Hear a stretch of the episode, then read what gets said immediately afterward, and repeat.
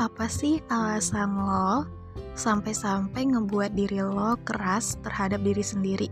Sakit hati, kecewa, putus cinta, atau masalah keluarga? Terus apa aja sih tanda-tandanya? Halo guys, welcome back to my podcast Kembali lagi bersama gue, Navin Rosilana Danisa Yang biasa kalian panggil Navin atau siapa pun itu Yang penting senyaman kalian dan juga tidak keluar dari nama yang gue sebut tadi, oke? Okay? Nah, di sini gue bakalan bahas tentang ya seperti yang di awal tadi kata-katanya sesuai dengan topik hari ini adalah yang pertama 5 tanda lo terlalu keras sama diri sendiri. Tapi sebelum masuk, gue mau tanya nih. Gue mau tanya dulu, pernah gak sih lo pada ada di posisi gak nyadar bahwa lo udah terlalu ngepompa tubuh lo dan dia udah capek banget tapi tetap lo paksain? Ya, lo pada gak sendirian sih karena gue juga pernah kayak gitu. Jujur gue yakin lo pada juga ngelakuin itu secara gampang aja ya kan. Wes kita masuk ke tanda yang pertama biar lo pada nggak ngantuk nungguin gue ngomong. Oke okay, let's go. Yang pertama adalah perfeksionisme. Lo menetapkan standar yang amat sangat tinggi buat diri lo sendiri merasa kalau sesuatu yang kurang sempurna adalah sebuah kegagalan. Kayak lo ulangan nih, tapi nilai lo cuma dapat 90 bukan 100. Padahal lo maunya dapat nilai 100. Lo mikir nilai 90 itu adalah sebuah kegagalan besar dalam hidup lo. Dan lo kecewa parah. Padahal nyatanya nggak kayak gitu. Itu yang dinamain dengan perfeksionisme terlalu tinggi menaruh value tentang diri lo sampai kayak ketika lo dapat sedikit gertakan lo malah kecewa parah gitu. Next kita bahas tanda yang nomor 2 Oh ya, tanda yang nomor satu sebisa mungkin jangan dilakuin ya. Coba deh kalian hargain perjuangan yang udah lo dapatin.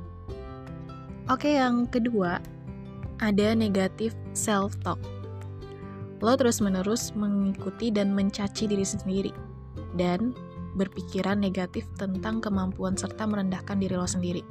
Lo merasa nggak yakin sama diri lo sendiri, dan lo selalu aja bilang nggak bisa ke diri lo sendiri.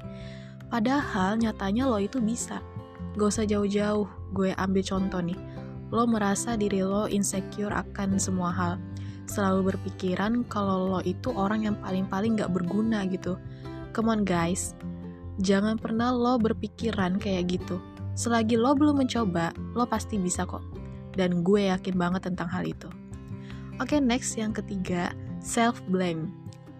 Lo cenderung bertanggung jawab atas segala sesuatu yang salah, meskipun itu bukan sepenuhnya salah lo. Sulit banget sih buat lo memaafkan diri lo sendiri. Contohnya gue ambil dari misalnya kayak tugas kelompok. Lo ambil semua tanggung jawab. Lo ambil semua kerjaan lo mau aja disuruh-suruh sama teman-teman lo. Giliran dimarahin guru, lo yang menanggung semua akibatnya.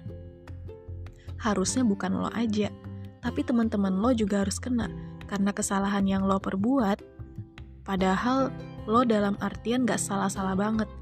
Lo gak bisa memaafkan diri lo sendiri. Gue rasa banyak banget kejadian yang kayak gini uh, apalagi buat orang yang gak bisa apa-apa alias dalam artian gak terlalu berkuasa. Biasanya seneng buat dijadiin bahan bully. Ya bener apa bener nih? Jauhin deh yang kayak gitu ya. Lo bisa kok bertanggung jawab boleh, tapi bukan untuk kesalahan yang juga dilakuin sama orang lain. Oke, next yang keempat, susah menerima pujian lo kesulitan menerima pujian, sering banget nolak dan ngeremehinnya. Seolah-olah pujian yang lo dapat itu nggak pantas buat lo. Susah banget sih buat lo menerima hal tersebut, kalau kayak gitu ya. Lo merasa nggak cocok buat pujian tersebut, dan lo selalu bilang, gue nggak cocok buat pujian yang lo kasih, simpen aja itu pujian, maaf gitu. Kayak lo itu insecure akan segala hal tentang diri lo sendiri gitu. Jangan pernah lakuin hal itu, oke? Okay? Next yang kelima, merasa bersalah terus-terusan.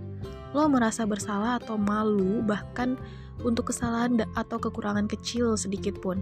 Sulit move on dari kegagalan masa lalu atau kekurangan. Yang pada intinya sama kayak nomor satu tadi.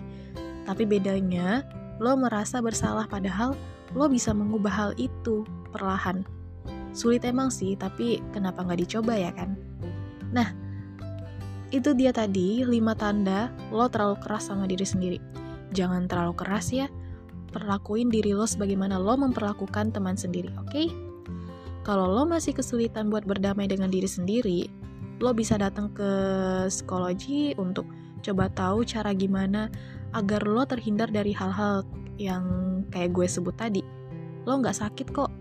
Datang ke psikolog bukan berarti lo sakit. Itu cara lo mencintai diri lo dan berusaha buat sembuh dari hal-hal yang buat lo sakit. Oke, okay, mungkin uh, itu aja untuk topik kali ini. Bye bye. Sampai jumpa di podcast gue selanjutnya. See you.